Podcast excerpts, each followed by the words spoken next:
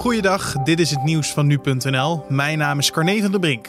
De politie gebruikt foto's van meer dan 1,3 miljoen personen voor gezichtsherkenning, maar heeft geen idee welke mensen ook daadwerkelijk terecht in die gezichtsdatabase staan.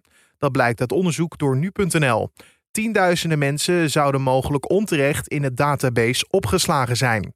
Onze techverslaggever Stan Hulsen legt uit waarvoor de politie deze database gebruikt. Nou, als de politie beelden heeft van een misdrijf, dan proberen ze er met gezichtsherkenning achter te komen wie daarop staat. En lijkt de verdachte dan op iemand in die gezichtendatabase, dan weet de politie mogelijk wie dat is. Dat het opschonen van de database niet goed gaat, herkende demissionair minister Vert Grappenhaus al in 2019.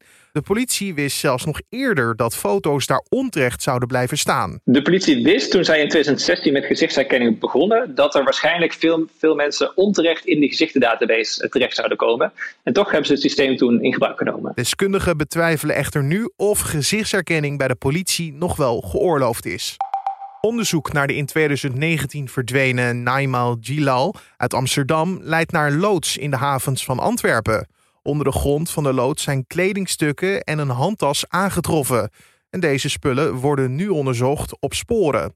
De politie had eerder aanwijzingen gekregen dat zij eventueel het slachtoffer van een misdrijf was geworden. Haar verdwijning heeft mogelijk te maken met een mislukte cocaïnedeal, waarvoor ze ter verantwoording zou zijn geroepen. De politie vermoedt dat Gilal niet meer in leven is.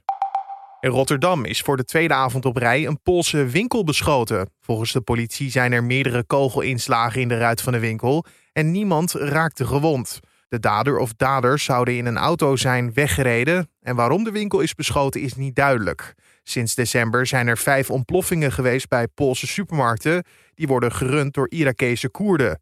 Een woordvoerder van de politie kon niet zeggen of er een verband is tussen deze ontploffingen en de schietpartijen in Rotterdam. En middelbare scholen gaan studenten een vaste prijs betalen voor bijlessen om examenkandidaten te helpen. Ze gaan helpen eventuele leerachterstanden door de coronacrisis weg te werken. Dat schrijft het AD. Scholen hopen zo ook studenten te porren voor het lerarenvak.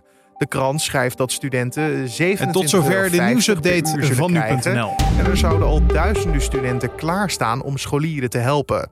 Het ministerie van Onderwijs maakte een maand geleden bekend 37 miljoen euro vrij te maken om leerachterstanden weg te werken bij de huidige examenkandidaten.